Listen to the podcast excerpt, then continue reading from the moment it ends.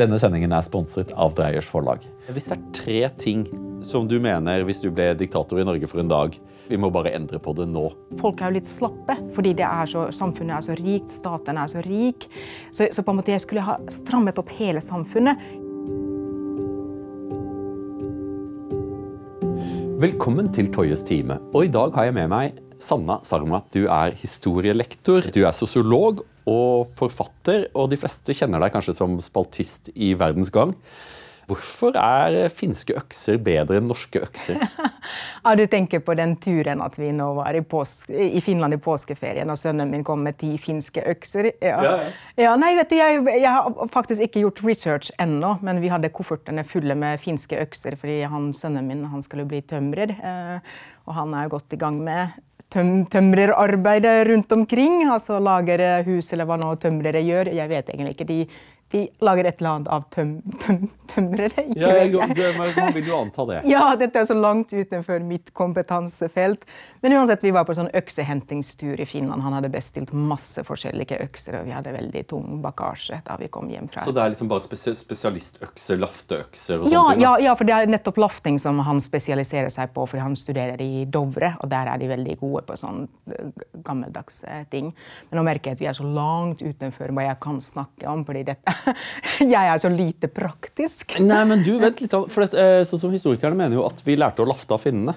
Å ja. Da er du kanskje i sakens kjerne. Derfor er det så mange øksetyper uh, i Finland. Og, og, spesielt dette hvordan de behandler Nå mangler det jo helt fagbegrepene. Men, men for eksempel, jeg har jo, eller i min barndom som min bror arvet da mamma og pappa døde, han arvet sommerhytta. Og den er laget av sånne runde tømrere. Og ta, Man tar jo det øverste laget. men jeg vet, er det, nei, det, det er barken, bark. ja. Du ja og det, det, er der du bruker en, en øks. ikke sant? Ja. ja. Og der har man jo ulike typer av Jeg vet ikke om det finnes fin og grov hva heter den prosessen når du tar vekk Du har jo en hel haug med ulike redskaper, men jeg vet ikke hva de heter. Nei, og, og, jeg kan det spesielt ikke på norsk, men jeg husker som barn, fordi jeg var fire år da foreldrene mine kjøpte den. Fordi de først kjøpte den hytta, og vi var og så på da disse her disse uh, to mennene liksom dreiv på med å ta vekk den der barken for at det skulle bli en fin hytte. Men som sagt, her er ingen ordforråd rundt dette her, og spesielt ikke på norsk. Hver nasjon trenger noen som både er på innsiden og på utsiden, og du er blitt en veldig god kommentator på uh, ubehagelige sannheter ved Norge. Uh, har det vært vanskelig for deg? For uh, Du er jo ofte kritisk. Er det noen ting som folk blir sure for? For nordmenn liker ikke veldig å bli kritisert. Ja, altså det er masse sure folk. Eh, veldig mange. altså Jeg får jo mye sånn i forbindelse med de kronikkene jeg har, eller hvis jeg har noen medieopptredener, så, så får jeg masse dritt. Eh, og, men, men, det meste er jo veldig sånn useriøst. altså Det er så, sånn personangrep. altså Du vet all den hetsen som offentlige Eh, delvis eller helt offentlige mennesker får. Eh, så det er mye sånn, liksom Det mest banale, og det er kanskje det vanligste, er jo som enten kommer i kommentarfeltet, eller som eh, tekstmeldinger og mailer og sånne messengermeldinger. og det der at, at hvis, du, hvis, du, har det så fælt her i Norge, hvorfor flytter du ikke tilbake til Finland? Eller bare flytt tilbake til Finland?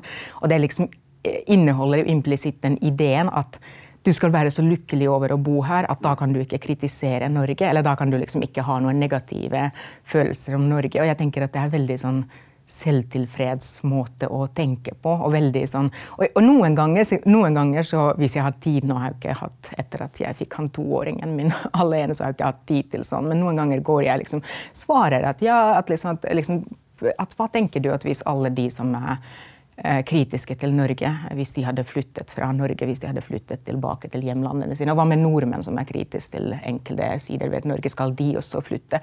Og så liksom ytterste konsekvens hva slags samfunn vi har, og ser du på Nord-Korea som noe slags ideal? Altså at Jeg har jo noen ganger gått inn i sånn diskusjon, invitert dem på den tankerekken som de selv egentlig spiller opp til, men det er ikke, altså dette er jo ikke de hva skal jeg si, eh, de mest begavede folkene som, som kaster de, eh, de, kommentarene. Enhver person som lever i offentligheten, vil få en del sånn negativ feedback. og så er det, Jeg forsøker jo å skille mellom folk som bare ikke er veldig gode på å uttrykke seg, og kanskje liksom bruker litt for sterke ord, og så er det enkelte folk som, der det er åpenbart at målet deres er at du skal føle deg dårlig. Mm. Uh, Men får det, du sånt òg? Ja, ja, selvfølgelig. Okay, ja. Men så, så jeg bare det er vann på gåsa. Jeg bare sletter det og går videre. Der, liksom, hvis, hvis, folk har noen ting å fare med, eh, så svarer jeg. Men jeg er et helt vanlig menneske. Hvis du er høflig med meg, så er det mye mer sannsynlig ja. at jeg svarer deg. Hvis du ja. er uhøflig, mm. så er det mye mer sjanse for at du ikke får mm. et svar. Liksom. Mens mm. Eh, jeg forsøker å skille litt mellom min privatperson og min offentlige person. Og min offentlige person er nok mye kjappere til å bare slette sånne ting. og bare, altså bare gå videre. Liksom. Ja, ja, ja, ja. Altså, jeg, altså, jeg, tar jo heller ikke altså, Hva ukjente folk mener om meg og mitt, det går ikke inn på meg i det hele tatt. Men det har jo vært en prosess. altså at Jeg tror jeg begynte jo sånn eh, hva skal jeg si, i, i den lille offentligheten på Lillehammer og Gudbrandsdalen. fordi jeg, eh, Da jeg flyttet til Norge, så ble jeg lokalpolitiker med en gang. Først i kommunestyret og så i fylket. Ja, Det må vi snakke litt om. For du, du, valgte et, et, et underlig parti. Eh, et lite parti eh, som mange har mye fordommer mot. Okay, ja. Hvordan i all verden meldte du henne i Venstre? Vet du, Dette er egentlig en veldig god historie, eller veldig sånn interessant historie. sånn sett, at, fordi Jeg meldte meg faktisk inn i Høyre først. Ja. Fordi Jeg har jo alltid vært i Finland, så hadde jeg helt siden jeg fikk melde meg inn i et parti, så meldte jeg meg inn i Høyre. Altså Jeg var sånn med i Høyre-studenter på universitetet i Helsinki. Og, og i Finland er jo vi har jo ikke noe finskspråklig liberalt parti. Mm. Så på en måte de liberale er jo med i Høyre i Finland. Så, så, man har på en måte både liberale folk og konservative folk inni i det finske Høyre. Eh, og da jeg kom til Norge, så husker jeg at, um, at, liksom at jeg, det var litt sånn på autopilot. At jeg bare meldte meg inn i det norske søsterpartiet. Og jeg var ikke klar over at det fantes Venstre. Og så husker jeg ikke om jeg rakk å være i Høyre kanskje halvannet, to år.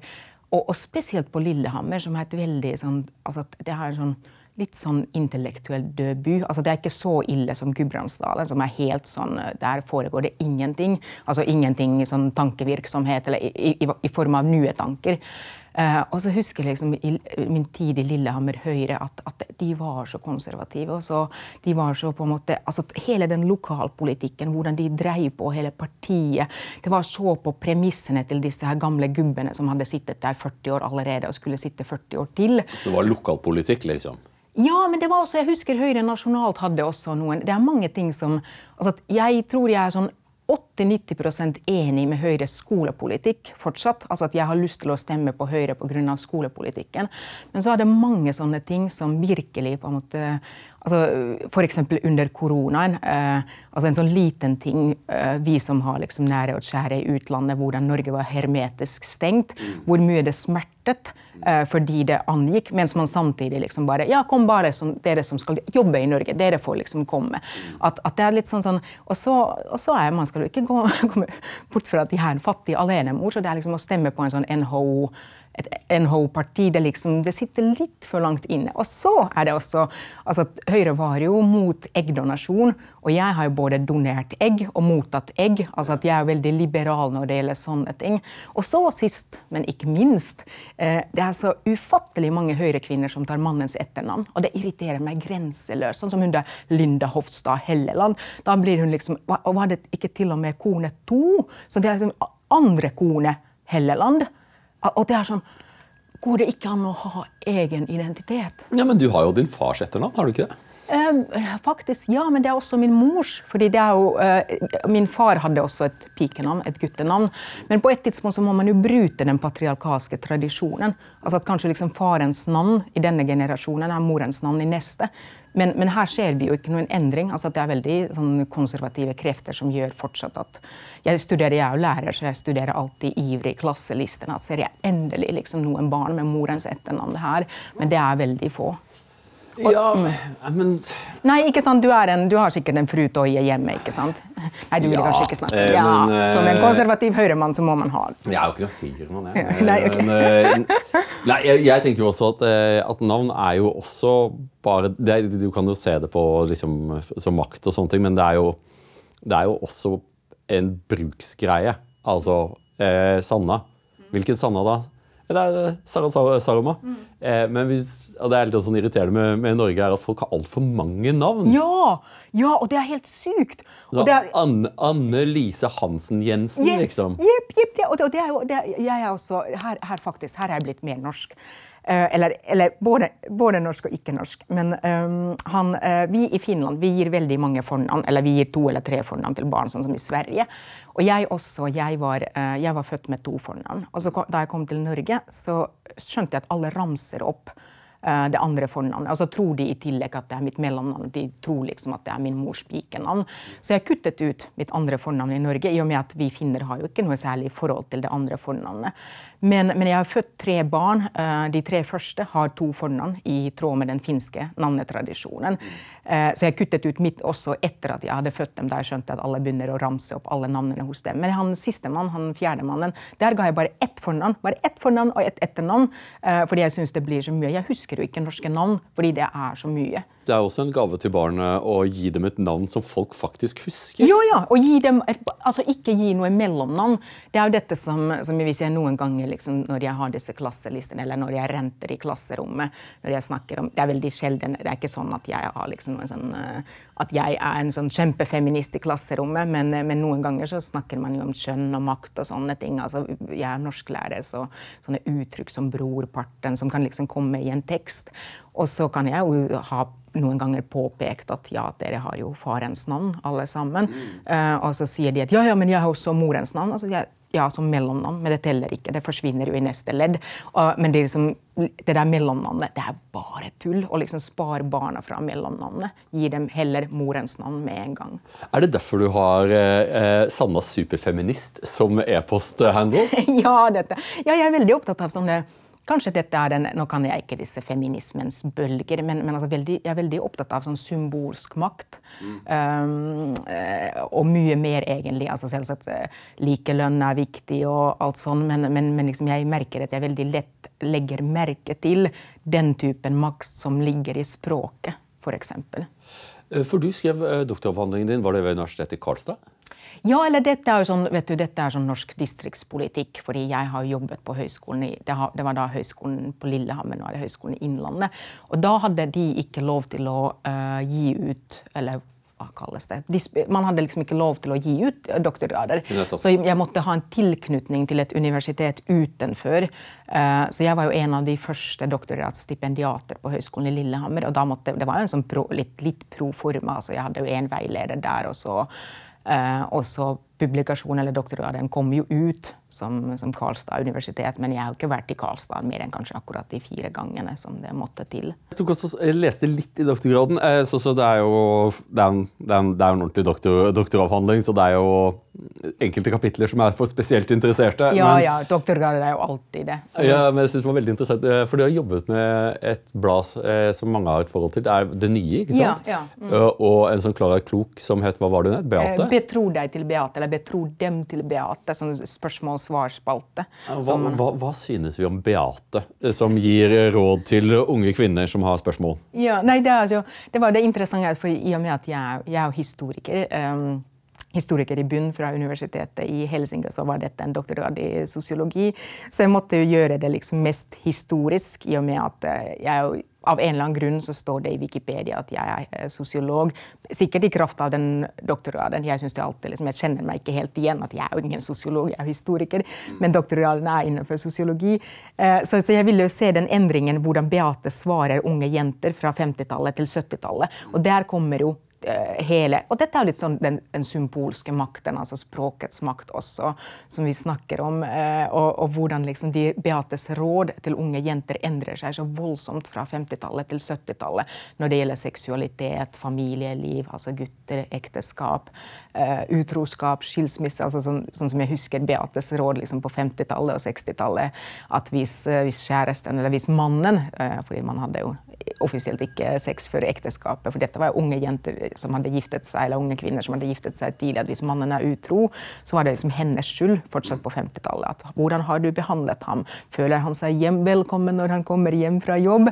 Og på 70-tallet så bryter jo frem sånn eh, hegemonisk likestillingsdiskurs. at Da blir jo også Beates råd mye mer balansert og liksom nærmere, naturligvis nærmere vår tid. Men, men jeg syns liksom man ser en voldsom historisk endring gjennom den der eh, spørsmålsspalten fra 1957 til 1977.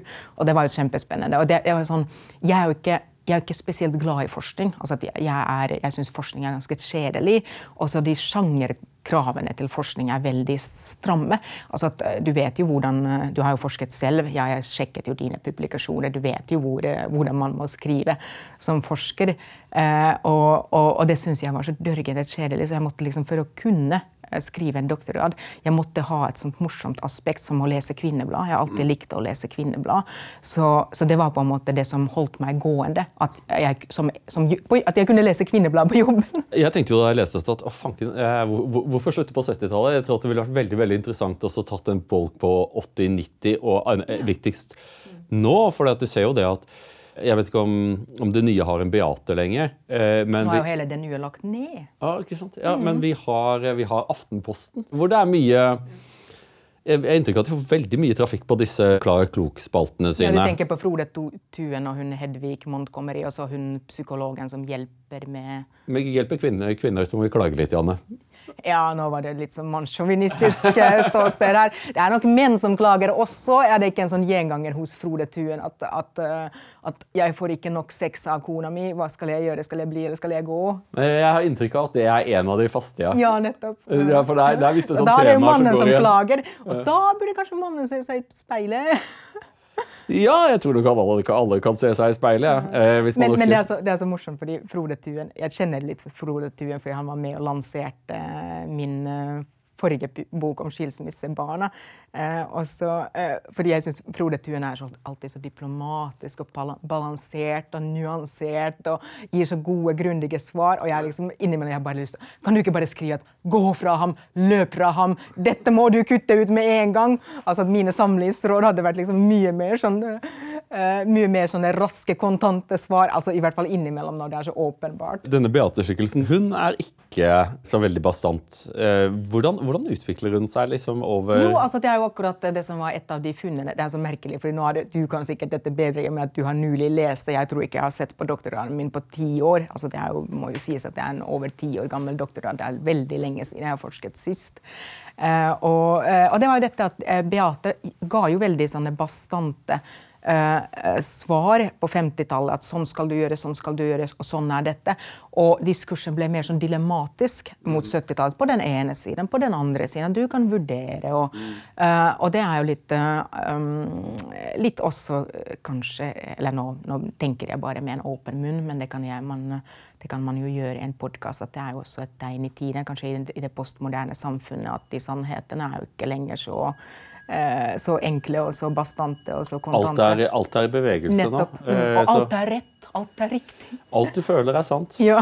Men vi må komme oss litt til Finland. for En ting som jeg lurer litt på som nordmann, er at i Norge så har vi veldig mye stereotypier knyttet til finske menn, men ja. ikke så mange stereotypier knyttet til finske kvinner. Okay. Ja. Eh, kan du fortelle oss litt, Jan, Finnes det stereotypier i Finland omkring finske kvinner? Er det noen kvinnetyper som går igjen i humor, og som er sånne rene stereotypier? Nei, men, men har, man i, har, man om sin egen, har man stereotypier om sin egen nasjon? Har nordmenn stereotypier om sine egne kvinner? Er det ikke alltid knyttet til liksom... Det er ofte knyttet til andre. Ja. Man har jo vandrende stereotypier, men kanskje ikke liksom, offentlig anerkjente stereotypier. Nei, kan, altså Det eneste jeg vet uh, eller nå er ikke dette sånn, men jeg snakket en gang eh, med en eh, norsk eh, mann som hadde alle hans kjærester og koner hadde vært fra Finland, og han sa at han orker ikke norske kvinner lenger. At, at med finske kvinner er det så lett, fordi, eh, fordi han sa at uh, you get what you see. Altså at det er ikke noen skjulte beskjeder. Altså vi er tydelige, vi er Eh, ja, altså, eh, og det, det, har jeg pleid også å si sa både til eksmannen min og min nåværende kjæreste, at, eh, at, du trenger liksom ikke å lure på hva jeg mener. At det er alltid liksom sjukt malt uh, på meg, og det er liksom ikke noe sånn uh, ja, altså det er ikke noen sånn uh, skjulte, skjulte beskjeder eller ting jeg bare tenker inni meg. At det kommer jo ut. Og det er liksom At man vet alltid hvor man har meg. Og jeg lurer på om det kan være et fellestrekk. At man, man men finner vet man hvor man har dem. Ja, ja. Fordi jeg, jeg syns jo litt sånn motsatt at, at um, Nå har jeg bodd liksom både i Norge og i California, og liksom at Norge var liksom eller sånn, California, der er det masse sånn at du vet egentlig ikke hva folk egentlig mener. fordi det er Jeg vet ikke selv heller, tror jeg. Nei, kanskje ikke, for det, men det er så veldig mye sånn toxic positivity. Ja, ja. Eh, og jeg synes jo at, at man Fantastisk allerede... begrep. Er det ditt? Nei, nei, det er ikke det. Jeg, jeg, har sikkert bare plukket det et eller annet sted uten at jeg kan uh, på en måte plassere det hvor. Men jeg tenker at fra Finland, sett fra Finland, Norge har allerede et steg mot toxic positivity. Altså Jeg reagerer jo alltid hvis jeg har vært lenger, eh, lenger i Finland f.eks. en hel sommer. Eller, og så kommer jeg tilbake, spesielt hit til Oslo. Jeg bare lander på Gardermoen. Og så når, når folk liksom sier at 'ha en fortsatt fin dag', og jeg bare sånn 'hvordan vet du at dagen min har vært fin så langt'? og, og det, ja, for, det, for meg, altså, Jeg skjønner jo at de vil bare være hyggelige, men, men liksom, det, det, holder liksom ta det litt ned. Og det er jo liksom kanskje vi finner at, at vi tar det litt ned. Uh, eller at det, ligger i oss, mentaliteten. Altså at Jeg er også en mer norskere utgave av meg selv når jeg er i Norge. Hvis jeg hadde vært den finske utgaven av meg selv, så hadde alle tenkt at jeg er pottasur. Ah, ja, okay. ja, for Finner har jo, har jo, et rykte for å være litt sånn innesluttede og tause. Ja, ja, altså mye færre ord uh, til å si det samme. Altså det, er ikke, det, er jo ingen som ønsker meg en fin dag hvis jeg handler noe på butikken. Eller liksom fortsatt en fin dag. At det blir, det blir så mye. Blir liksom, da tenker jeg, ja, det blir så amerikansk. Denne sendingen er sponset av Dreyers forlag. Dreyers forlag gir ut mange gode konservative bøker, men en bok som vi skal reklamere for i dag, er Eric Kaufmanns 'Det hvite skiftet'. og Det er til alt overmål en bok jeg har lest selv, og vil anbefale dere alle å lese. Det er en bok som forklarer mye av den sterke polariseringen vi ser i vestlige samfunn i dag. Med ganske overraskende funn, vil jeg si. Dreyers forlag har til alt overmål stilt opp med et ordentlig godt tilbud for uh, Minervas lyttere og seere, så klikk på lenken som ligger i beskrivelsen under. Finland har jo hatt et stort jubileum for, uh, for vinterkrigen, og i den forbindelse så kom det ut en, eh, en nyfilmatisering av, av den, Hva heter den? Ukjent soldat. Ukjent soldat. Ja. Har du sett den? Jeg har sett den ja. to ganger. For jeg syns at dette her er Eh, fantastiske skuespillerprestasjoner. Mm. Eh, en veldig forstandig omgang med finsk historie. Eh, og, og velsignet fri for forsøk på å, å, retusjere og gjøre Finland vakrere og bedre enn det det var.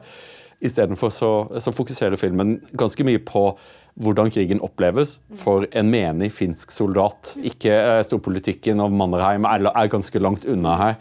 Eh, hvordan blir det mottatt i Finland? For det virker som at Finland er et land, er et land hvor nasjonsbyggingen fremdeles finner sted. Ja, eh, godt spørsmål. Eh, jeg må aller først si at dette var en bok som kom ut skrevet av Veino Linna i 1952, tror jeg. Et sted der i begynnelsen av 50-tallet. Så jeg anbefaler deg å lese boken 'Utkjent soldat' av Veino Linna. Det finnes på norsk. Og, så, um, og, så, er det jo Jeg husker min eksmann uh, laget litt narr av at det eneste filmen jeg finner lager, det lager bare 'Ukjent soldat' nytt på nytt på nytt. For dette er den tredje versjonen. Ja, Vi hadde jo de eksperimentene med finsk fjernsynsteater som vi bestemte oss for å avslutte. Jeg tror at det var i FN at vi ba dere bare om å slutte. Ja, ja jeg har hørt, liksom, jeg har hørt historier om finsk fjernsynsteater uten at jeg noensinne har sett hva det egentlig går ut på. men du, vet du hva, Jeg kan hjelpe deg. for dette, NRK har en påskekrim som ligger unne, ute som heter 'Hendelse ved vann'.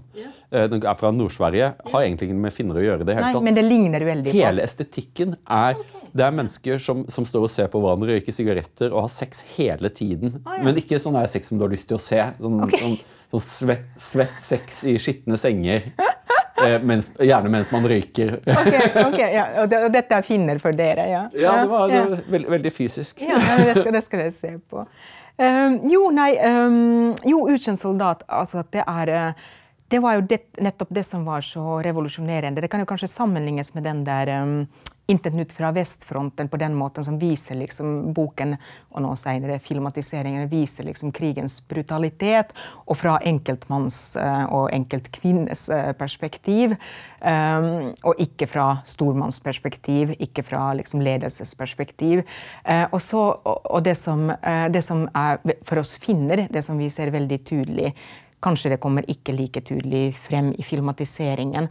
Men det er jo, vi må jo huske at den her altså det, fort, uh, det, er jo en fortelling fra fortsettelseskrigen, altså etter vinterkrigen. Da mm. kom en ny krig. Uh, og, og, det er jo, vi snakker jo borgerkrigen i Finland fant sted i 1918.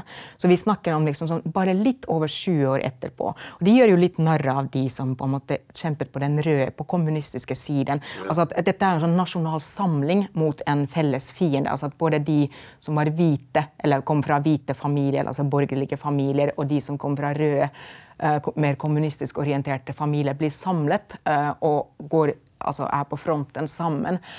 Uh, men det som, det som, gjorde kanskje liksom det største inntrykket altså jeg, jeg, satt jo med sånn da jeg så den. Uh, det, var nå, det, var først nå i romjula at jeg så Ukjent soldat. Egentlig bare fordi jeg har vært en fattig alenemor som jeg ikke har hatt noen sånn streamingtjenester, men han der rikets kjæresten min fra Oslo vest har jo Netflix, så da så jeg det sånn. Du er på vei oppover i verden? Ja, jeg, jeg er på klassereise, vet du. Er, nå er det Netflix! Ja, og så er jeg også med på hans familieabonnement på Spotify, så jeg føler liksom fy faen, jeg har liksom alle fasilitetene. Dette her er jo helt fantastisk. Vi skal snakke litt om den nye boken din, men så, så jeg, fikk, jeg, fikk, eh, et forhåndseksemplar fra forlaget, og da var det så utrolig fint. Helt til slutt så skriver du om eh, Wolfgang V. Og det var, det var jeg aldri opplevd Jeg sendte deg en, sendte deg en melding og spurte har du lyst til å komme på den podkasten. Så ble du kjempeentusiastisk.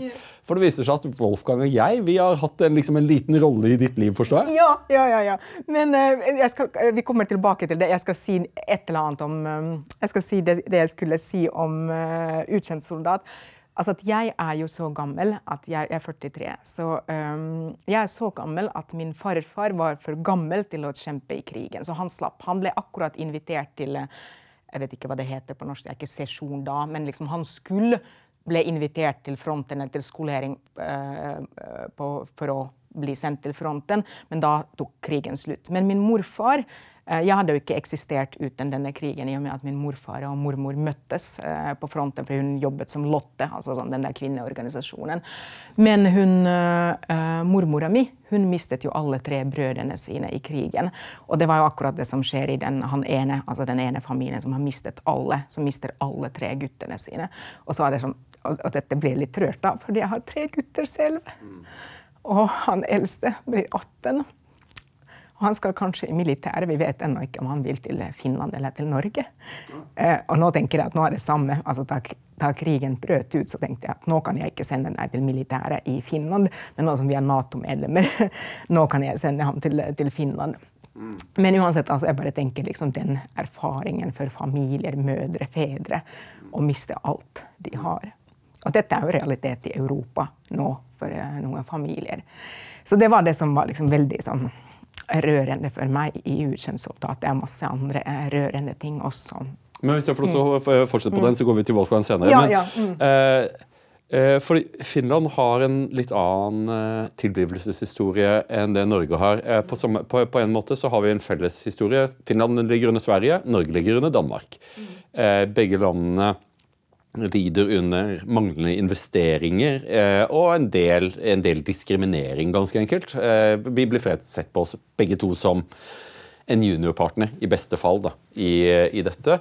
Men Finland går gjennom da en blodig eh, borgerkrig avløst av en eksistensiell kamp, eh, som Finland eh, kommer ut av eh, som ved et mirakel Prisen er den såkalte finlandiseringen. Finland ender opp i et brakkvann mellom øst og vest. Jeg tror kanskje det er noe av grunnen til at Norge eh, har sett på Finland eh, Norge og Finland har ikke vært så nære. Det ble skrevet at, eh, at man kaller Finland en nær, men fjern nabo. Opplever du det at, at nordmenn kan lite om Finland? Mm, en nær, men fjern nabo. Men jeg tror faktisk det skyldes først og fremst språket. Ja. At det er så, uh, det er så frastøtende. Altså at det er sånn um, Jeg tror eh, Fordi det, det, finnes ingen Eller det finnes få altså Selvsagt finnes det jo altså Historien har jo tatt ulike veier i Norge og i Finland. Så det finnes jo historiske grunner for å være fjernere. Men, men sånn kulturelt altså Det er derfor jeg, jeg, mener at kanskje den der min unike posisjon som en sånn kulturell observatør med et skråblikk skyldes jo at, at jeg både innenfra på den måten at jeg på en måte produserer produkt av den samme typen grunnskole, samme type gratis utdannelse på et universitet. Samfunnssystem, samfunn som er bygd opp nesten helt likt med det norske. Altså, da jeg flyttet til Norge, jeg egentlig bare fortsatte mitt finske liv, men alle institusjoner fikk bare nye norskspråklige navn. Det eneste jeg ikke hadde erfaring med, var at finnes det noe som heter fylkeskommune? Hva, hva i huleste skal man med en fylkeskommune? Vi, vi vet ikke helt, Nei, men uh, vi men, venter men, på svar. Men, ja, men jeg tenker at eh, fylkeskommune er veldig fint på Lillehammer, i hvert fall, for der er det veldig mange fylkeskommuner fylkeskommunale ansatte. Eh, så, så, det er liksom, Hvis man skal legge ned fylkeskommunen, bare la det stå på Lillehammer, for der er det, liksom, der er det så mange fylkeskommunale ansatte. Men uansett, det var liksom sånn eh, at det var så lett å forstå systemet. Så på en måte, jeg, jeg trengte ikke tid til å forstå systemet da jeg kom til Norge. Men, eh, men, så begynner man jo etter hvert å se de forskjellene, eller de interessante, de kulturelle, mentale forskjellene, som er kanskje blitt min, min nisje i samfunnsdebatten. Men, eh, men, når det gjelder å være fjern, så tror jeg det, den fjernheten skyldes bare språket. Uh, I og med at man ikke har, ikke, man ikke har mulighet til å altså Sånn som dere leser, dere kan jo lese, vi kan jo lese, vi som kan norsk. altså Danske nyheter, svenske nyheter. altså det er jo, Man har jo en helt annen tilgang til de andre nordiske landene enn til Finland. Og Derfor forblir kanskje Finland et, et slags mysterium. Men, men, jeg lurer på, nå, har jeg en sånn, nå, skal jeg først skrive en bok, og så deretter Jeg snakket med redaktøren min at uh, kanskje jeg skulle skrevet en bok om Finland. Uh, og, uh, altså, fordi folk er jo fascinert av Finland. Ja. At, mm. Jeg tror at jeg kanskje opplevde liksom et sånt, et sånt tidsskille. for Da jeg studerte i, i, England, så hadde vi Scandinavian Union. Og finnene er jo en del av det Scandinavian Union. og Da det sånn, ble det en, sånn, en, fight mellom finnene. for Det var enkelte av finnene som ikke ville snakke svensk. Og hvis vi skal ha et Scandinavian Union, så må vi snakke våre, våre språk. Mm. Men det virker som at er det slik at finner ikke lærer seg ordentlig svensk lenger? Som annetspråk? Uh, ja, dette er et veldig godt spørsmål uh, med mange, egentlig mange ting. Uh, Svensk er et obligatorisk språk i Finland. Uh, og uh, man starter det Nå er det helt mot slutten av barneskolen at man må starte det. Uh, så alle finner har studert svensk. Mm men når det er sagt, så er det jo fremmedspråk er nesten obligatoriske i den norske grunnskolen også. Altså at jeg underviser f.eks. i fransk i den mhm. norske grunnskolen. og jeg vil si at ni av ti i den klassen min ikke kommer til å greie å snakke fransk etter at de har lært fransk både på, på ungdomsskolen og på videregående.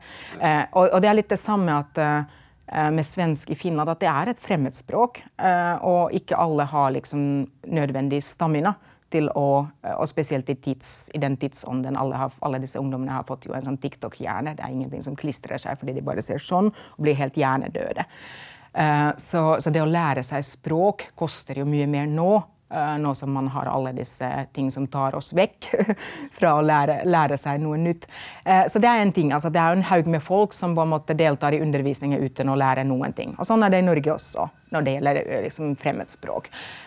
Og så er det andre at jeg som likte svensk som språk, eller jeg likte jo alle språk. Jeg fikk den høyeste, beste vi har jo sånne studentskrivninger, eh, altså eksamener mot slutten av gymnaset. Og jeg gikk jo den høyeste og beste laudatur, eh, som er latin, eh, for svensk. Altså at jeg hadde utmerkede resultater i svensk. Og så kommer jeg til Norge og snakker vet du, sånn, litt sånn sakte og retardert finlandssvensk som vi lærer på skolen. Litt sånn mummitrollsvensk. Yeah. Og høres tilbakestående ut, men alle forstår utmerket godt hva jeg sier, og jeg klarer å uttrykke meg klart og tydelig. og liksom sånn som man kan med skolesvensken. Men problemet er når nordmenn begynner å svare til meg, så tenker de at, de forstår, at, at jeg forstår alt. Mm. Uh, og selv jeg, som er dritgod i svensk, i skolesvensk, er jo bare helt sånn at jeg skjønner ingenting.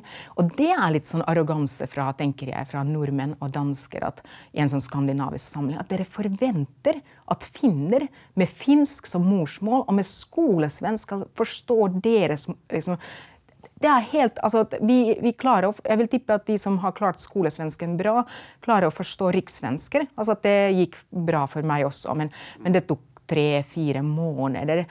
Jeg husker jeg, jeg, var første gang i Norge som utvekslingsstudent. Jeg tok historie mellomfag på Blindern. Tok krig og konflikt, et sånt emne. Uh, og så hadde, jeg husker jeg hadde Geir Lundestad som foreleser. Geir er fantastisk, ikke sant? Ja, ja, ja, ja. men, men jeg, jeg, hadde jo skolesvensken min. Ja. Så, så, på en måte der sitter jeg. Og det som reddet meg, var jo at Hans Olav Lahlum tok det samme faget. Og han laget jo notater av alle forelesninger på bokmål som jeg kunne lese. Så jeg kjøpte jo den uh, disketten av Lahlum, og det kostet 50 kroner. 50 kroners disketten til Lahlum. Han forsøkte jo, han skulle jo liksom gi Geir noe sånn royalties og sånne ting. og Geir kasta den ut, tror jeg. Ah, ja, ja. ja. Nei, han, han, han, sa at pengene går til Amnesty, men det var liksom disketten fra Lahlum og de notatene på bokmål som reddet meg og ga meg liksom en god karakter, ikke det som Lundestad sa på forelesningen. Fantastisk. Og det er litt morsomt også å høre til denne her at seinere altså var, Da var jeg bare utvekslingsstudent fordi jeg skulle spesialisere meg i nordisk historie. Dro tilbake til, til Finland. Og så Det var først seinere at jeg møtte han som eh, som skulle være mannen i mitt liv, men ble eksmannen i mitt liv, og flyttet til Norge. Eh, og da fikk jeg jobbe på Høgskolen i, i, Lillehammer. Altså jeg jobbet der som samtids, i samtidshistorikermiljøet som høyskolelektor i samtidshistorie først. Og da jeg skulle ut i første mammapermisjon med han som nå snart blir 18, så vikarierte Lahlum meg. Oh, ja. ja, så det er litt sånn what comes around goes around. Ja. Det er et lite land. Mm, jeg har også laget et historiefaglig spørre, spørrespill sammen med Hans Olav Lahlum. 'Erobreren' heter det. Kom ut på Kunnskapsforlaget i 2006. Det var som mammapermisjonsprosjekt for meg. Du er veldig effektiv. Men eh, Sanna, du har skrevet en del i, i VG. Hvis, eh, hvis, det er tre ting som du mener, hvis du ble diktator i Norge for en dag Tre ting du bare ville forandret på over natten. Bare, det, det, eh, tre ting der du mener at eh, egentlig så trenger vi ikke ha noe debatt om dette her. Dette her, dette her er, er ferdig konkludert. Vi må bare endre på det nå. Go. Nei, jeg hadde eh, i hvert fall startet fra skolen. Altså at eh, det hadde vært, blitt en helt annen Det hadde blitt en konservativ vending i skolen. Altså at vi hadde gått kraftig tilbake i tid. Ingen iPads, ingen PC-er, ingen mobiler. Penn, papir, altså egen hjerne istedenfor chatbots. Uh, og det hadde blitt en helt annen arbeidsro. En helt annen på en måte, måte å tenke ja, altså kanskje litt, rett og slett 50 år tilbake i tid. Mm. Eh, også når det gjelder respekt for læreren, respekt for læring. Men skolen foregår jo ikke et vakuum, eh, i og med at liksom samfunnet påvirker skolen så sterkt. Det, her, vi, her, kommer det problemet. Jeg vet ikke hva vi skulle gjort i samfunnet, fordi Norge er jo litt sånn oljemett. Altså, det, er så det er så jævla mye penger overalt. Altså at Folk er jo litt slappe fordi er så, samfunnet er så rikt, staten er så rik. Så, så, på en måte jeg skulle ha strammet opp hele samfunnet. Hele, altså sånn, men, men, hva hadde liksom vært det store grepet? Altså at jeg, jeg kan jo liksom jeg kan jo, vet du, kritisere litt Jeg hadde kanskje gjort noe med sykmeldings... Uh, systemet, altså at eh, et eller annet med uten at jeg har noe utredet og tenkt ferdig. Jeg er litt mot at hvis man liksom får en sånn karensdag og mister lønnen, fordi jeg, føler at det rammer jeg som er alene om et lite barn som mye, altså, har vært mye sykdom første året i barnehagen. Og, og, det blir jo liksom sånn at å, hjemme med et sykt barn, hjemme med et sykt barn. Mm. Uh, så at det ville ramme sånne uh, liksom alenemødre som meg. Men, men, et eller annet, fordi jeg tenker jo altså uh, jeg er, så, jeg er, sikkert så jævla misunnelig på alle disse fibromyalgidamene som har først liksom vært to år sykmeldte, så går de på arbeidsavklaringspenger. Eh, Men du vet at du kan også få fibromyalgi hvis du vil? Ja, ja, ja. For dette er jo en diagnose uten egentlig noen særlige kriterier. så vet jeg ja, ja, ja, det har jeg jo sagt til fastlegen min, at nå er det like før jeg får fibromyalgi her. når jeg er litt lei av jobben min. Men hvis du ikke får det, så kan du kanskje få sjøgrens? det òg? Ja, ja, det, det, jeg tror det fungerer omtrent like bra. Men det er sånne ting. altså Der er det så mye slegge. altså at alle disse som Eh, altså som, som, som, går sykemeldt så lenge og så får arbeidsavklaringspenger. Det er liksom så mye penger i systemet. Eh, og, men, men, hvordan på en måte strammer man Det er litt sånn sykemeldingskultur i Norge. Eh, og litt sånn um, hvordan stramme, fordi Man kan ikke bare stramme opp skolen. Har du et forslag til et grep, hva man kunne gjort?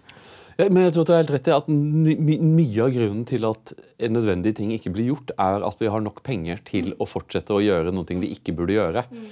Og er, Jeg er veldig enig med deg når det gjelder skolen. Liksom, vi kan ha ideologiske diskusjoner og vi kan ha sikkert ha eh, diskusjoner om pedagogikk, og sånne ting, men saken er dette skolesystemet leverer ikke den type arbeidere som økonomien trenger. Mm. Uh, og Det burde være et ganske viktig argument. Ja. Uh, og det synes ikke mm. å være noe som man tar, tar høyde for. Jeg synes det var veldig kult da du tok også skrev om en ting som jeg tror nesten alle voksne mennesker har vanskelig for å forstå, er hvordan man kan ha russetiden midt oppi eksamenene. mm. eh, i tredje klasse. Og du, og du, har, du har, kritisert det. Det, det var første gang jeg tok også eh, virkelig satt og, liksom, og, og, klappet i hendene mens jeg leste, mm. leste en av kronikkene dine. For det var bare så himla åpenbart. Og så tenkte jeg takk og lov for at Sanna tok turen fra Finland. Og nå, nå Det nyeste er dette, vet du, dette som jeg hater med venstresiden. For nå skal de på en måte ødelegge hele eksamensinstituttet. At ungdommer som har så mye press at de tåler jo ikke Nå skal det bli mappevurderinger og greier. Og, og liksom nå har vi hatt, er det tre år vi har hatt uten eksamen nå. Og liksom de, sikkert de siste to årene helt uten grunn. Eh, jeg, jeg hadde jo en kronikk om dette under korona, da de avlyste eksamen for første gang. At i Finland har man avlyst disse studentskrivningene eh, en gang, og det var under vinterkrigen. Ja. Og det er liksom, men, men, dette er sånn, altså jeg jobber jo som lærer, og så leste jeg jo i, i Aftenposten som, noe som traff meg, for det er jo den der jobbespalten der eh, hvor de alltid at bør jeg skifte jobb, eller så, så var det jo sånn at, at når liksom arbeidsgiveren og jobben ikke er i tråd med dine verdier, så bærer det ut. Og jeg er jo litt der, vet du, at det er veldig vanskelig å være en konservativ lektor. Uh, i et system som ikke støtter opp under konservative lektorer. Altså at det er sånn Uh, ja, nei, altså at jeg, ja, jeg vet ikke. Jeg burde sikkert hatt en privatskole, eller alle konservative lektorer skulle bare forent seg og laget en privatskole uh, for folk som virkelig har lyst til å lære noe. Men det er jo en sånn, en sånn, en sånn kommentar som, uh, som jeg virkelig bøtte meg fast i. En annen, en annen, ekstern kommentator på Norge, Hans Magnus Enzensberger, som er tysk, er veldig viktig tysk intellektuell, snakker flytende norsk. har vel også hytte oppe i dine trakter, oppe ved Lillehammer. Ja og som, som, påpekte en ting som er veldig viktig med Norge, og det er at eh, på den ene siden så er det slik at eh, som han sier, jeg har aldri vært i et land som har dummere aviser enn Norge. Han, eh, og på den samme siden, Men jeg må også erkjenne at den, den gjennomsnittlige nordmenn er bedre informert enn den gjennomsnittlige tysker, hvor vi har mye bedre aviser. Ja. Og Sånn er det jo også at selv om norske skolen kan fremstå som spinnvill, så er det holdes jo på plass av lektorer som deg. Det er jo ikke sånn at alle, eh, at alle klasser at det er fullt frislipp og bare skjerm, og de lærer ingenting. Eh, det er jo eh, Bak liksom, den offisielle politikken så er det jo mange bra folk som holder ting mm. gående mm. også. Altså jeg, jeg, håper at du ikke har tenkt å, å gå noe sted. for jeg tror at disse lektorene, da, om de er konservative eller ikke Lektorene er viktige i norsk skole. Norsk skole er bygd opp på lektorene på samme måte som i Finland. så vidt jeg har forstått. Og at, eh, at, disse lektorene må vi få på død og liv holde på innsiden. For ellers, hvis vi skal erstatte det med sånne eh, pedagoger i fritidsklær, så tror jeg at, at vi kommer til å slite. Vi kommer til å ende opp i et sånt amerikansk scenario der, slik jeg ser det USA, er et land som underinvesterer i sin egen befolkning. Amerikansk skole er gjennomgående elendig, eh, med mindre du er rik. Hvis du er rik, har du den beste skolen i verden. Men du, hvis du ikke er rik, elendig. Eh, dårlige universiteter. De er de beste universitetene i verden, men de er også noen av de semste universitetene i verden. Og Resultatet er at de ikke klarer å produsere de kunnskapsarbeiderne de trenger, men de kan importere. Elon Musk kommer an. Du trenger ikke å lage Elon Musk. Eh, men jeg tror ikke at det er en god idé eh, å belage seg det på lang, på lang sikt om at andre skal produsere hjernekraften til, der ting blir gjort. Og der er jo, jeg tror at Lektorene er liksom de som holder skansen på mange måter da, i norsk skole. Men, men så, er jo, altså, så er det jo dette problemet Nå skal jeg altså at Jeg gjør jo litt sånn research til min kommende bok, eller neste bok, eh, hvor jeg skal skrive, hvis ikke hele boken, om skole, i hvert fall mye om skole. Altså at jeg ser jo det som er litt sånn det som jeg ser at De skikkelig gode, gamle lektorene, altså de som hadde hovedfag, de som hadde skikkelig fordypning i faget sitt. Og så på toppen den der pedagogisk seminar, eller hva det het i gamle dager. Det som jeg har som praktisk pedagogisk utdanning, altså ettårs lærerutdanning på toppen. Det er jo de som går av. De forsvinner helt. Nå får du, nå får du lektortittelen, eh, som jeg syns er ganske skremmende. Jeg jobber på Hamar, og der, det er en bu med en lærerskole. og der er det jo, Vi får jo nå jeg jobber på en skole hvor vi får sånne praksisstudenter, altså kommende lærere, som vi veileder. Og, og de, de, der ble utvidet også. Den vanlige lærerutdannelsen ble utvidet til fem år. De fikk sånn femte år, men egentlig uten noe særlig innhold. De har et par forelesninger. De bare forteller at det er på Og dette er litt sånn Norge, eh, og spesielt Skole-Norge, at man, man prøver å løse kvalitative problemer med kvantitative løsninger. Enten øker man timetallet, eller så vi tar ett år til på lærerutdannelsen. Og det som provoserer meg, er jo at um, at disse nye som har femårig lærerutdannelse, de kan kalle seg lektorer. Og den mastergraden de har skrevet, det er en sånn ren didaktikk-master. Didaktikk er sånn hvordan du underviser. Men de gamle lektorene, de som går ut i pensjon, de har hovedfag i faget. Altså sånn, tenk, jeg tenker på en sånn gammel tysk lektor på en skole hvor jeg jobbet. Han hadde, liksom, han hadde skrevet sin hovedfagsoppgave om kvinnelige østtyske forfattere. Så han kunne liksom tysk, tysk litteratur. Eh, de der nye lektorer, de kan jo ingenting! Nei, jeg var så heldig at jeg hadde en sånn lektor som klasseforstander på, på Nesodden videregående skole. Og det er noe annet å bli undervist i norrøn litteratur av noen som har studert norrøn litteratur. På grunn av at det er jo et Naturligvis, alle, Vi leser Gunnlaug Gormstorms saga, men det å ha en lærer som har lest alle sagaene eh, Og det ga jo meg, bidro til å gi meg en voldsom entusiasme for sagaene pga. at læreren min var veldig entusiastisk overfor sagaene. Eh, men du må først kunne dette da, før, du, før, du, kan spre entusiasme. Ja, ja. og det er jo litt sånn, det er veldig beskrivende. Eh, fordi nå lager jeg, eller har akkurat laget Neste uke så går vi inn i litteraturhistorie. Jeg har tiendeklassinger. Så jeg har laget sånn forelesninger om litteraturhistorie hvor vi starter med norrøn tid. Og jeg er jo en eh, altså Dette er jo et sånt skikkelig paradoks, eller, eller syns jeg, eller dette beskriver forskjellen på Finland og Norge. Altså at eh, i Norge eh, uh, altså at jeg underviser i norsk fordi jeg har 60 studiepoeng i nordistikk fra universitetet. Jeg underviser i engelsk, jeg underviser i fransk. for Dette er sånn 60 studiepoengsfag, ettårsfag for meg. Uh, uh, og så underviser jeg innimellom, hvis jeg er heldig, i historie og samfunnsfag, som jeg har hovedfag i. Mm. Fordi historie og samfunnsfag, det har alle. Der holder det med 30 studiepoeng. Og det har alle lærere på bruket. Uh, I Finland er jeg bare lærer i det faget som jeg har hovedfag i, altså sånn historie og samfunnsfag. Hvis jeg hadde jobbet på en finsk skole, så hadde jeg hatt historie og samfunnsfag i alle klasser. Uh, og det, jo, det, gjør jo noe Jeg har blitt historiker fordi jeg hadde så fantastisk historielektor på ungdomsskole, fantastisk historielektor på gymnaset, som liksom lærte meg å elske historie. Uh, men nå får jeg liksom Og det, og det er litt sånn Nå som jeg jobber på en norsk ungdomsskole, altså at jeg blir, jeg blir satt til å undervise de fagene hvor jeg har 60 studiepoeng. En finsk rektor hadde selvsagt tenkt, eller en, et finsk kunnskapssyn hadde vært at jeg burde hatt historie i absolutt alle klasser. Men i Norge så er det liksom, man har ikke det, ikke det, man har ikke det kunnskapssynet. Altså fordi kunnskap er så underordnet. Det er viktigere at jeg har mine elever i flest mulig fag. Det sosiale. Og så er, mm. er det jo slik at skolen har jo blitt belemret og lasset på med eh, mange ting som ikke er faglig, som man skal læres opp i, spesielt i verdier. Mm. Eh, som er jo uhorvelig naivt pga. at vi er i en fase hvor verdiene er i endring. Så det å lære verdier på skolen eh, det, Verdier får du gjennom drikkevannet, du får det gjennom å leve i et samfunn. Yeah. Og du er med på reisen. Mm. Mens det liksom forsøket på Det er, også, det er så rørende liksom, å tro at du kan knesette et verdisyn gjennom skolen i en så omskiftelig tid. Yeah. Det eneste du oppnår, er at folk sitter igjen med massevis av verdier som de Eh, ikke helt eh, kan forsvare lenger pga. at de passer ikke lenger. Mm. Også, og, det er kanskje litt beslektet, sånn som jeg alltid sier. Jeg har en sånn, en sånn kongetanke, dronningtanke, om, som jeg innimellom liksom kaster ut. Litt sånn provokasjon, men litt sånn jeg har lyst til å uh, Jeg sier, kan si dette på et foreldremøte eller på skolen. At, uh, at jeg mener at hvis dere, altså foreldrene, hvis dere hadde tatt uh, hånd om oppdragelsen, så kunne vi tatt hånd om opplæringen. Ja. og det er litt sånn at verdier det får barna hjemmefra. At Rust dem med gode verdier og ta hånd om oppdragelsen. Så skal vi ta hånd om opplæringen. Men er problemet er jo at, eh, at, så stor grad, eller så stor del av oppdragelsen er blitt outsourcet til skolen.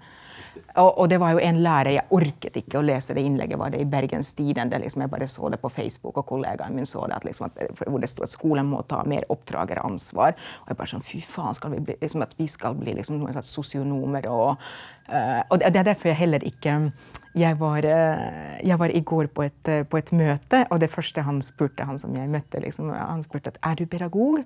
Og så, og så, begynte jeg å tenke at, for Jeg har ikke lyst til å si at jeg er pedagog. for jeg synes det er sånn, Eh, for meg er det sånn, Da kan du ikke faget. Altså Pedagoger er de som kan pedagogikk. og det er, det er, bare svaret.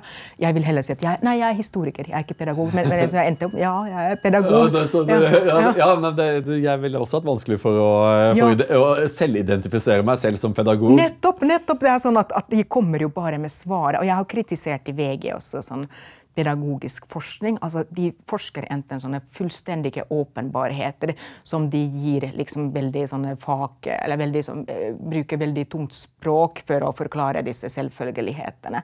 Og, og, det er jo et kapittel for seg selv, altså disse lærerutdanningene, lærerutdanningene hvor, man, hvor, det jobber folk som, som, aldri har vært i klasserommet og skal undervise i pedagogikk. Og det er også et kjempeproblem at mye av lærerutdannelsen altså at Pedagogikk altså går på bekostning av fagene. Altså De lærerne som kommer fra lærerutdannelsen, de er jo ikke veldig gode på fagene, fordi det er så jævla mye pedagogikk de har lært. Og også dette når jeg kritiserer didaktikkmaster. Altså Didaktikk er også en del av pedagogikk, altså hvordan du lærer bort.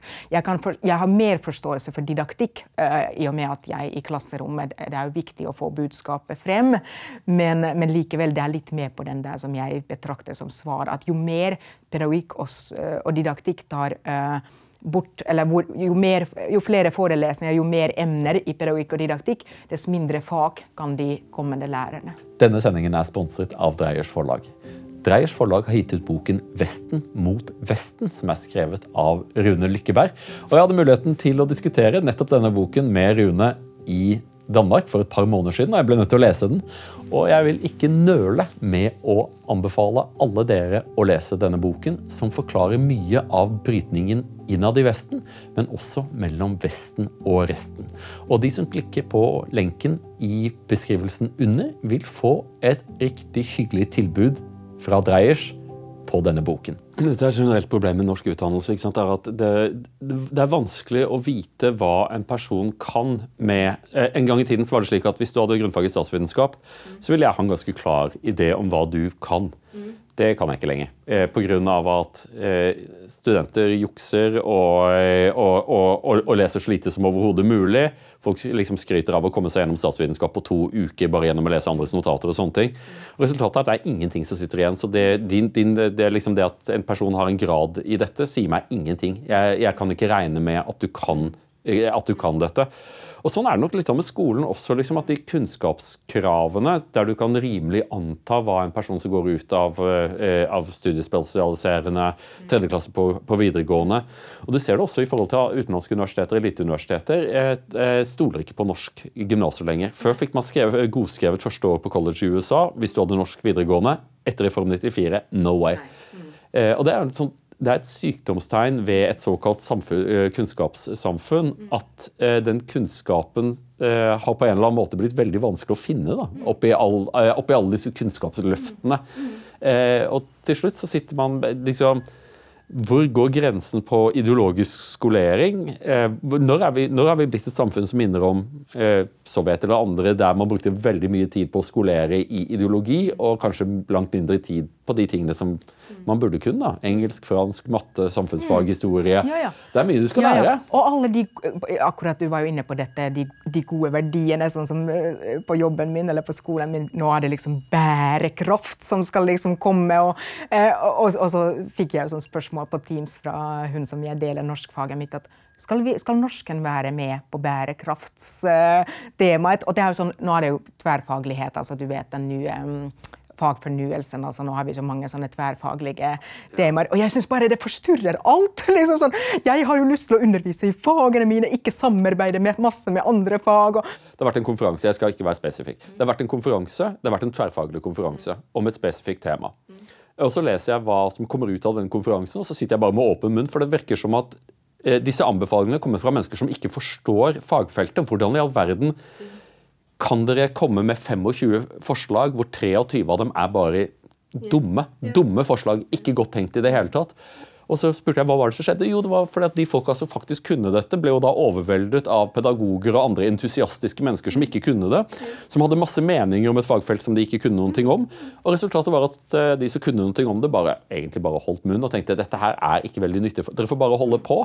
Ja, ja, sikkert. Sett det på papiret også, liksom. for at Enten så diskuterer vi dette seriøst, eller så diskuterer vi Hvis det er en bare sosial øvelse, så er det jo bare å si ja, ja, men det er kjempegod liksom, Det er toxic positivity. Ja, ja. Kjempebra, Sanne. Det er flott, flott innspill. Kjempebra. Mens jeg egentlig sitter og tenker Sanna, du aner ikke hva du snakker om, og du kanskje bare, burde bare holdt kjeft. Ja, men da, vi er jo fordi Kjernen av problemet er jeg, og spesielt på ungdomsskolen. Jeg syns ikke du kan bli tverrfaglig før du er faglig. Takk. Og det er jo også Mye av problemet med skolen er at man skal undervises i kritisk tenkning, men de forstår ikke at uten kunnskap er kritisk tenkning umulig. Så eh, det er jo sånn som eh, Hvis du ikke har en, et reservoar av historisk kunnskap å trekke på, så er det veldig lett å villede deg. Det er, det, liksom det, der med også, det er ikke en mestervariabel å si at ja, men du må være kritisk. Hvordan skal, du være, hvordan skal du vite om noen lyver til deg hvis du ikke kan noen ting? Og det er jo det som er, jeg, jeg, ser jo det mye med, med, studenter som kommer opp. Eh, men det er også et annet tema som du har skrevet en del om, og det er jo liksom mestring av norsk språk, som jeg blir veldig veldig urolig når jeg ser norsk ungdom som kommer på universitetsnivå som ikke kan norsk. Altså at de kan ikke formulere seg effektivt på sitt eget språk. Syntaksen er engelsk, vokabularet er skremmende. Og ordforståelsen, altså konnotasjonene som ligger i ord, eh, er ofte fraværende. Eh, så du har nordmenn som skriver norsk som flinke utlendinger på fremmedspråk. Veldig mye forsvinner på veien. Og Det er noe som du, som du også har kritisert. Hva er grunnen til dette? Her er, det, her er det, flere ting. Altså uh, flere uh, årsaker. Én ting som, som, jeg ser veldig tydelig som, som norsklærer. Nå har jeg jo en klasse som jeg har en stor klasse på 60 som jeg har fulgt fra 8. til 10. Eh, og, og, det er jo enkeltelever hvor, fortsatt, eh, hvor vi er på det nivået at, at, setninger avsluttes med punktum, og man begynner med store forbokstaver. Men i, i, veldig stor grad disse elevene er, har en fremmedspråklig bakgrunn. Altså De har kommet kanskje for eh, sju-åtte år siden fra krigsherje, et krigsherjet land. Men her igjen, vi har, vi har en enorm systemsvikt. Fordi i Finland, der alt er mye bedre, selv disse øksene. Eh, så gjør vi jo sånn at vi slipper jo ikke utlendinger inn i en finsk skole før de har gått nok, lenge nok på forberedende klasser. De må ha finsk på et nivå som gjør at de klarer å komme inn i en finsk klasse. Og det skulle jo egentlig bare mangle. Mens her i Norge så kan du fra dag én du, uh, altså Mange kommuner har kuttet ut forberedende klasser. Uh, og så, sånn som der jeg jobber på Hamar, så er det litt sånn frivillige. At hvis foreldrene vil Mange foreldre, mange innvandrerforeldre eller flyktningforeldre de søker til nærskolen fordi de tenker at barnet har best av å komme inn blant nordmenn med en gang. Uh, men dette er jo altså jeg, tror ikke man trenger å være superpedagog for å si at man underviser best jo mer elev, jo mer homogen elevmassen er, jo større standardavvik, eh, dess vanskeligere er det å man kan, man kan, si masse om tilpasset opplæring, og alle har krav på tilpasset opplæring, men hvis du har 30 elever i et klasserom, og du er alene som lærer, eller selv med to lærere, det skal så veldig mye til å få tilpasset opplæring til, eh, til hvert enkelt. Men uansett, jeg har, jeg har liksom i klasserommet de som ikke klarer å sette punktum, de som ikke klarer store forbokstaver, og så har jeg noen få som skriver essayer på, eh, på høyskole og universitet universitetsnivå, eller hadde klart det med litt opplæring. Så det er på en måte, det er sånn tiårsgap. altså Noen eh, har sånn tredjeklassespråk, og noen har sånn uh, første på Eller det er ikke klasse lenger, men uh, grunnfag, altså emnestudier på universitetet. Så det er én ting at vi slipper uh, flyktninger, utlendinger, inn altfor tidlig før de er kapable til å Og, de, og det er jo sånn um, jeg husker noe gammel forskning fra den tiden jeg var forsker, at med en gang du har nivået av fremmedspråklige i en klasse, når det, uh, når det bikker uh, 20-25% så påvirker det resten av gruppen. Ja. og det er jo veldig mye av den jobben jeg gjør som norsklærer. Dette er kanskje den mest givende jobben, og det som jeg liker best. Når vi, når vi leser høyt, eller når, le, når, jeg leser høyt for dem, ta ord. Hva betyr dette? og før i tida så gjorde man dette for innvandrernes skyld, utlendingers skyld. Hva betyr integritet? Hva betyr lojalitet? Men nå gjør man det like mye for de norske elevers skyld, fordi de leser jo ikke lenger. Og her kommer det andre aspektet. Jeg var litt inne på disse TikTok-hjernene. Uh, og Altså dette at uh, Ungdommer leser jo nesten ikke lenger. Og noe av det fineste for meg som norsklærer er jo at uh, Altså, norsk har et vanvittig stort timetall på, på, skolen. Det er mange norsktimer i en uke.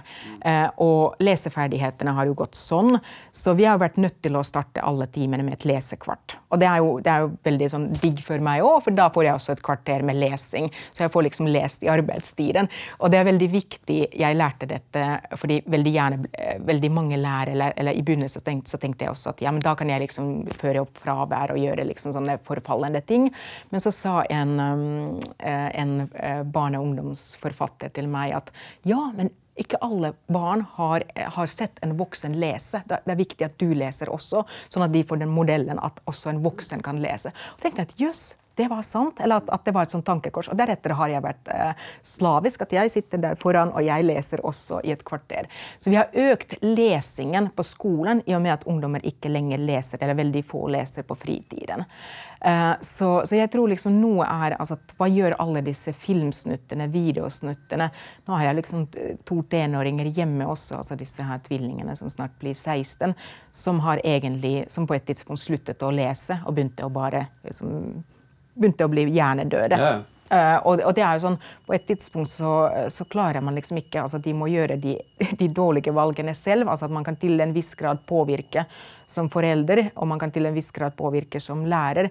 Men, eh, men jeg tror det er liksom eh, de såkalte smarttelefonene altså alle disse Det har jo påvirket min egen lesing. Jeg leser jo mindre fordi det finnes smarttelefoner. Hjernen er lat. Hjernen mm. vel, vil velge mot, minste. Men så, som, eh, nå skal jeg forsøke å bygge en liten Segway over til, tilbake til Wolfgang V, som vi skulle, som vi skulle snakke om. for det Um, I går så var Wolfgang og jeg på Jeg hadde skrevet uh, introduksjonen til nyboka til Michelle Verbeck som kom ut. Mm. Uh, jeg reagerte på det, for det var sånn um, Var det Cappelen Dam som ja. inviterte? Det var bare sånn herrepanel. 'Congrats, you have an all male panel', for det var du og så var det, altså det var Cappelen Dam uh, reklamerte for Det var ingen som klager på at nesten hele publikum var kvinner.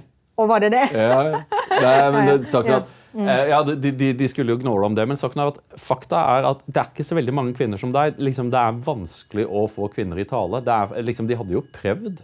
Eh, det var e, To stykker sa nei med en gang. Én måtte tenke på det og svarte nei etter en uke. Eh, vi gutter er lettere å, spørre, og så er det enkelte sånne damer som deg som byr på seg selv. Eh, så, så det er liksom Kvinner kan ikke bare gnåle over kjønnssammensetningen hvis de ikke stiller opp sjøl. Ja, men jeg var ikke spurt! Ja, er du eh, Nei, nei da, overhodet ikke. men uansett, pointet er at Etterpå så ble jeg overfalt av en, en, gjeng med, med, unge menn. og Jeg får veldig veldig mange spørsmål om liksom, hvordan skal jeg studere, hva burde jeg lese og sånne ting. Og, jeg sier, og da sier jeg, eh, og jeg tror du, du er enig at eh, liksom, hvordan, hvordan blir du en bedre student enn alle andre?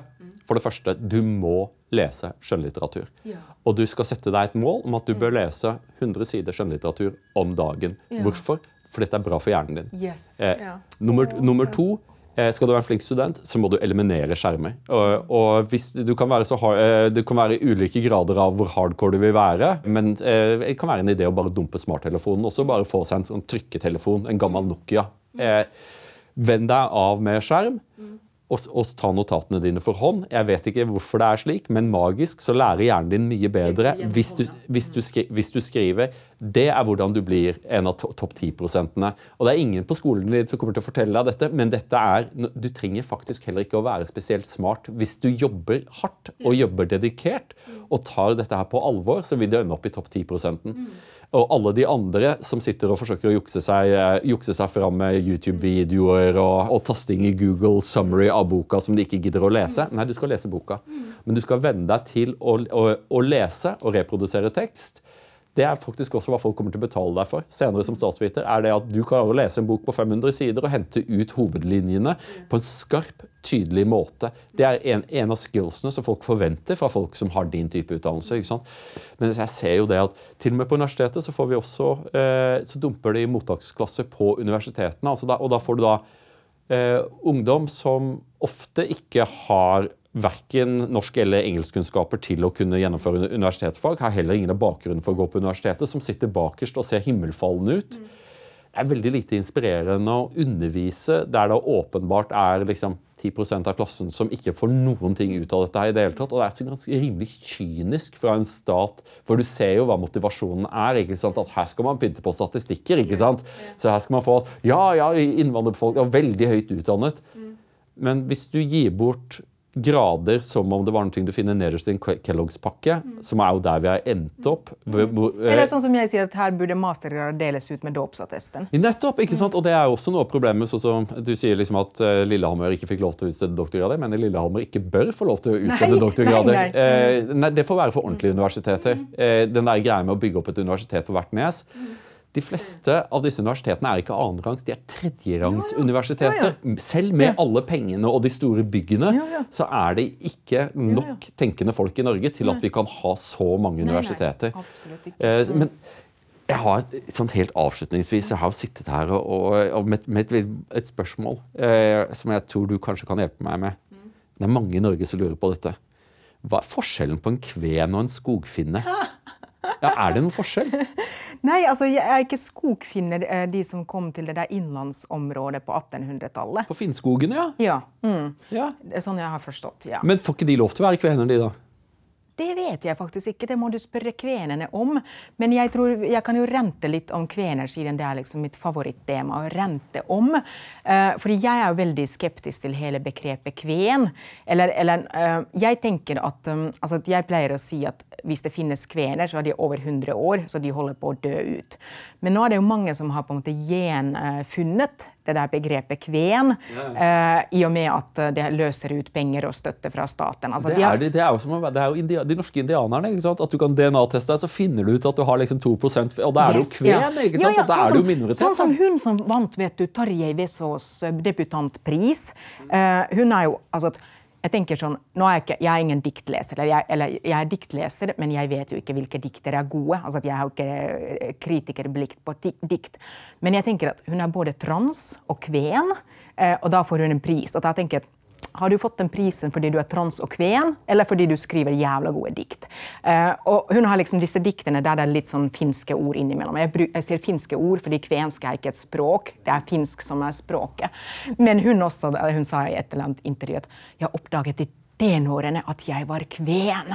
Uh, og, jo, og det er litt sånn som jeg, jeg harselerer med at han der sistemannen min som er laget i Riga, med latvisk egg og latvisk sæd at Tenk om han i tenårene oppdager at han er latvisk! Å, gud bedre! Da kan du, da kan, da kan, hvis han også blir trans, så kan, kan han ta og skrive dikt. Ja, ja, ja! Og så statsstøtten bare strømmer på på ham. Men er ikke det, er ikke det underlig hvordan vestlige samfunn går bort ifra liksom, Hvis man skal identifisere én seiersoppskrift ved alle vestlige samfunn, så vil alle meritokrati. Helt klart, åpenbart. Meritokrati har vært det som har gjort at vestlige samfunn har vært mer effektive økonomisk og kulturelt enn andre.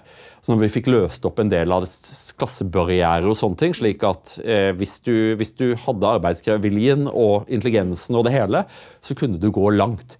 Mens eh, de, folk synes ikke å forstå at hvis du lager en nomenklatura av, eh, av ulike kaster som skal prioriteres, så til slutt så ender man opp eh, med det jeg liker å kalle Lise Klavenes-paradokset. Altså da mennesker som åpenbart er eh, kvotert inn, ikke får jobben gjort, men allikevel må applaud trampklappes hver gang de ja, kommer på scenen. Ja, fordi de er kvinner, tenker du? Ja, fordi hun er både lesbisk og kvinne. Ja, ja. og hun har da et mannlig landslag som har det, som har det beste kvaliteten på spillet som vi har hatt siden 1990-tallet, som ikke klarer å komme seg til mesterskap. Et kvinnelandslag som burde være det beste i verden, som ble ydmyket jeg har ikke sett noe så ille som det, i EM. Allikevel, da. Det er bare til å begynne å klappe når hun breiser seg. altså. Det er liksom, Og det er liksom, det er memes og hele greia.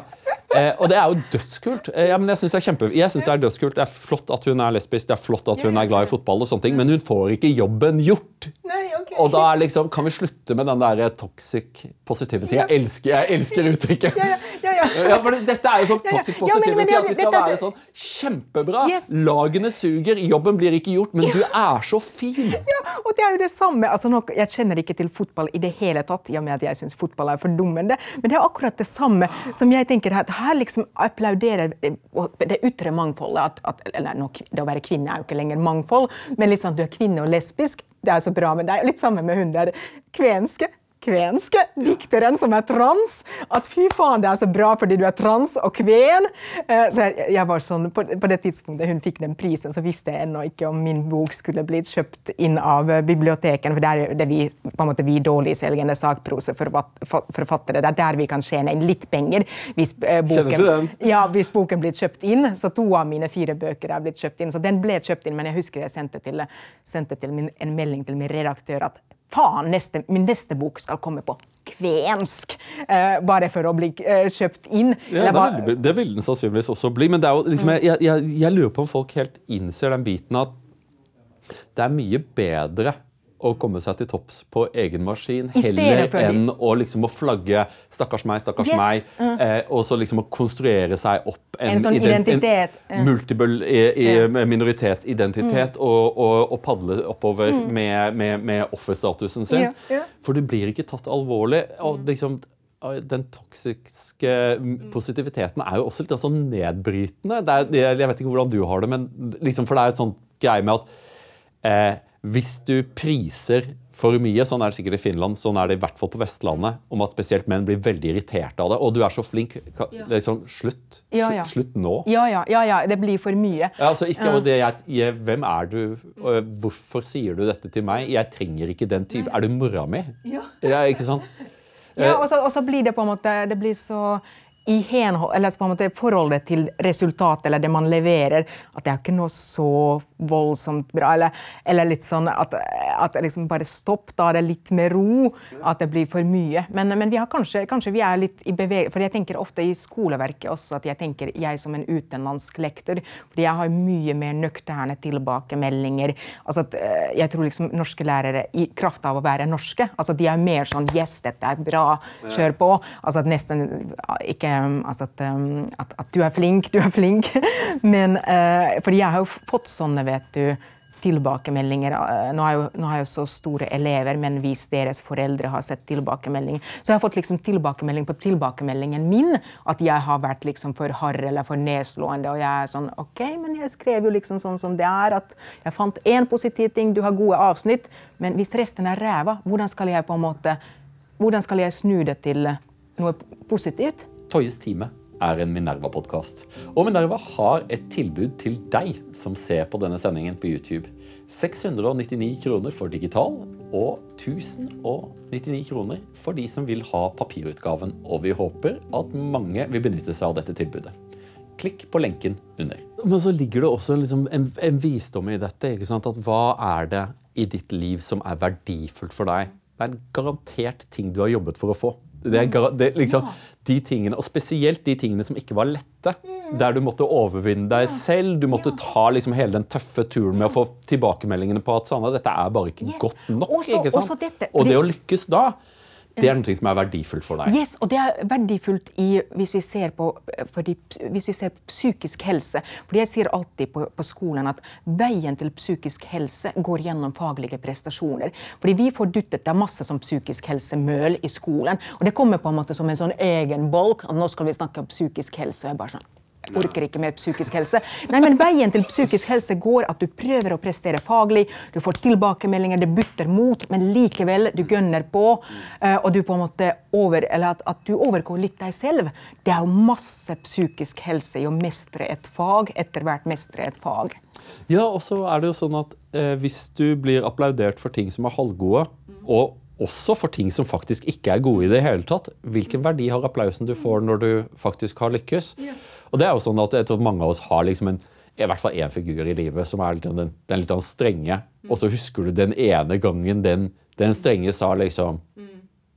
Det der er faktisk veldig bra. Ja, og, liksom, og du, du, du, får vinger. Du, ja. du flyr hjem, ja, for du vet at den personen vil ikke lyve for deg. Det er faktisk sant. Eh, mens hvis du liksom skal applauderes for å, å finnes, mm. eh, som jo er den norske skolens greie, mm så tror jeg at man, man mister også kjempe, et, en veldig sånn fin eh, pris, hvis du vil. da. Mm. Eh, liksom den, Gullmedaljen. Mm. den der, For gullmedaljen, Vi lever i en tid hvor det er altfor mange priser, men den mm. gullmedaljen som det å få, få en positiv tilbakemelding fra den, fra den strenge læreren når du virkelig har lagt deg i selen og forsøkt så godt du kan, og så ser læreren at du har det, og, at, og, og sier dette her begynner å nærme seg noen ting. Det er, det, det er, hvordan du vokser, ikke det også at man skal klappes fram for allting som ikke er bra. Men du, vi må ta oss og, og, gå inn for, eh, for, landing. Jeg tenkte vi skulle bare ta, snakke litt. Eh, for det, vi må jo være litt sånn, vi må være litt sånn nyhetsorientert også. Sanna Marin. Hva, hva, fanken var det som skjedde? Vi, hun, eh, det, virket, det, virket, som at hun hadde ordentlig gøy i Finlands i statsministerens kontor. De festet og danset. og og hun var pen òg. Hvorfor, hvorfor ville ikke finnene ha henne mer? Altså, Sosialdemokratene hadde et veldig bra valgresultat til å, sitte, til å ha sittet i regjeringen. Altså, de, jo, de, fikk jo bare 43 plasser i den finske riksdagen, hvor det er 100 eh, plasser. Så det var et meget godt valgresultat, og antallet takket være den figuren Sanna Marin har vært. Men det er jo ikke, er jo ikke nok. Altså, det, nå var jeg jo nettopp som sagt, i Finland i påskeferien, og en gammel nabo av, barndomsnabo av der hvor vi bodde i Lahti, hun var liksom så skuffet over at dette er liksom så svikter velgerne at du går til valg, og så sier du at fordi nå har hun sagt at hun ikke fortsetter som, hun fortsetter ikke som partileder nå etter dette valget. Mm.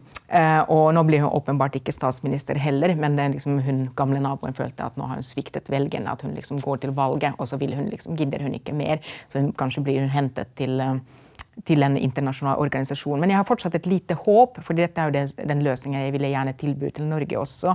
Jeg mener at, eh, Og kanskje fordi mine egne politiske meninger er i det landskapet. altså Høyre og Arbeiderpartiet burde danne en regjering i Norge. og Dette er dette har jo Finland tradisjoner for.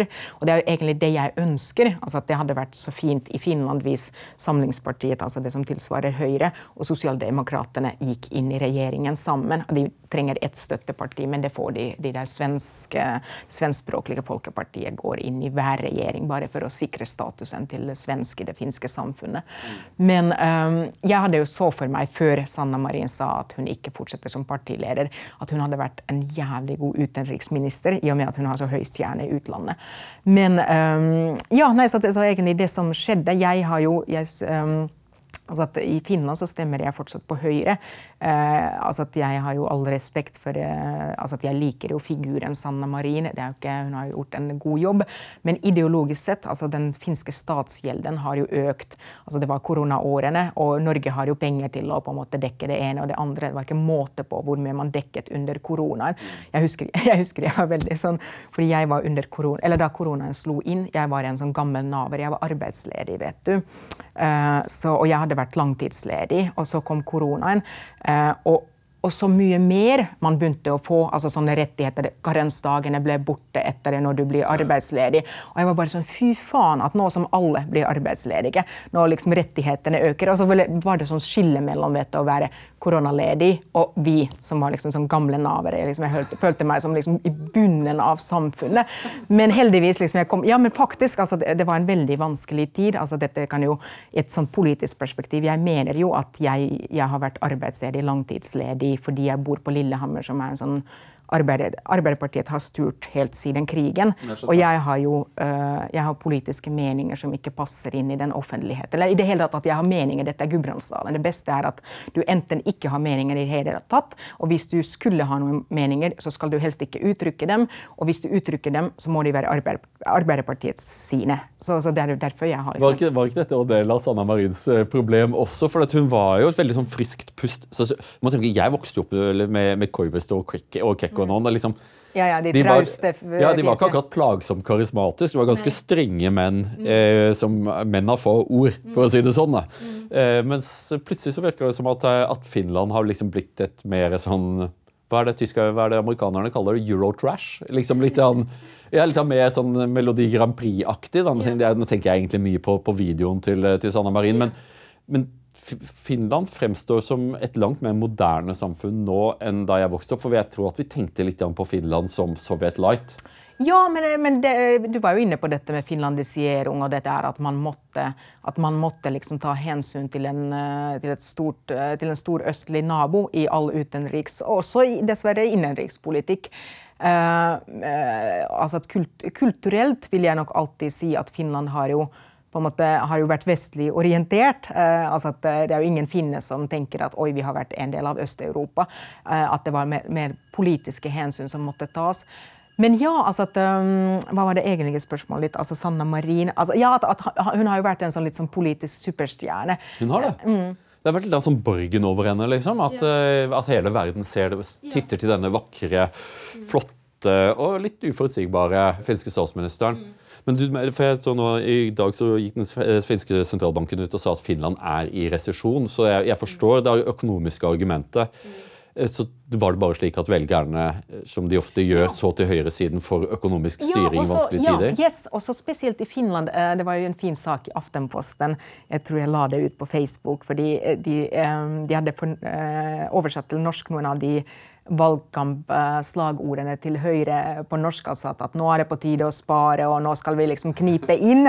Og så for, forklarer en forsker i Aftenposten at sånne slagord selger i Finland. Uh, at finner skjønner at man skal spare penger, at nå har vi liksom sløst bort litt for mye penger. Uh, og det er akkurat det som gjør også at jeg ikke kunne stemme på sosialdemokrater, selv om jeg, det er jo selvsagt enkelte politikkområder hvor jeg er enig med dem. Ikke minst altså med tanke på at jeg er jo ikke sånn som i Norge, jeg er jo en del av de vanlige folkene til Arbeiderpartiet. At jeg tjener under 750 000 og liksom at det er vanskelig for meg å stemme borgerlig pga. det. Men, um, men, jo, uh, nei, altså at, at, at, det appellerer til finnene. altså Det å ha en økonomisk disiplin. Mm. Uh, og jeg mener jo absolutt at regjeringen til Sanna Marin under koronaen at det, det ble liksom at man åpnet pengekranene. Alt skulle kompenseres. Og, og, Finland har jo ikke noe oljefond hvor alle kompensasjonene kan hentes. Uh, så det, det, tror jeg det har, liksom, det har finnene reagert på med valgresultatet det er jo en ganske klassisk, klassisk, historie at man ser liksom til de konservative partiene når, når man ser at uh, krybben er tom, og at man må ja. ha, ha, litt annen styring igjen. Ja, dette kan du bedre enn meg. Jeg kan ikke sånne generelle tendenser. Ja. Sanna Saroma, du har skrevet en ny bok. For nå skal vi gå inn for landing. men ja. så, som, er så, Du er jo så grei at du kommer her av din egen, egen vilje. Men jeg tenker jo at nå må vi jo også si at hvis du vil ha mer Sanna, så er det snart en helt ny bok i bokhyllene fra, fra Respublika. Ja, eller den, her, den er jo allerede ute i butikker og biblioteker. altså det der 'Hvorfor gikk jeg ikke?' om kjærlighet og psykisk vold. Ja, for jeg tror at det er, er en bok som vil appellere til mange. Eh, det er en personlig bok, intenst personlig, eh, men også jeg tror en bok som setter ord på på mye mange, eh, spesielt av kvinner, går og føler på. Men jeg tror også at den er relevant for menn. Veldig, jeg tror det er veldig relevant for menn, fordi psykisk vold har ikke noe skjønn. Mm. Uh, og jeg, uh, som jeg skriver i boken, at jeg nevnte denne boken Da var det liksom et prosjekt som jeg akkurat hadde fått støtte til da jeg var hos Wolfgang V. Uh, i fjor, i juni i fjor. og jeg fikk så utrolig altså du vet jo Wolfgang med mannosfæren, det er masse unge menn som, som hører på. Eh, at, at, det er liksom mange menn også som har vært ofre eh, for disse relasjonstyranner, eventuelle narsissister, som opererer på en omtrent lik måte. Og det er jo kanskje noe som jeg får ma mange tilbakemeldinger på boken.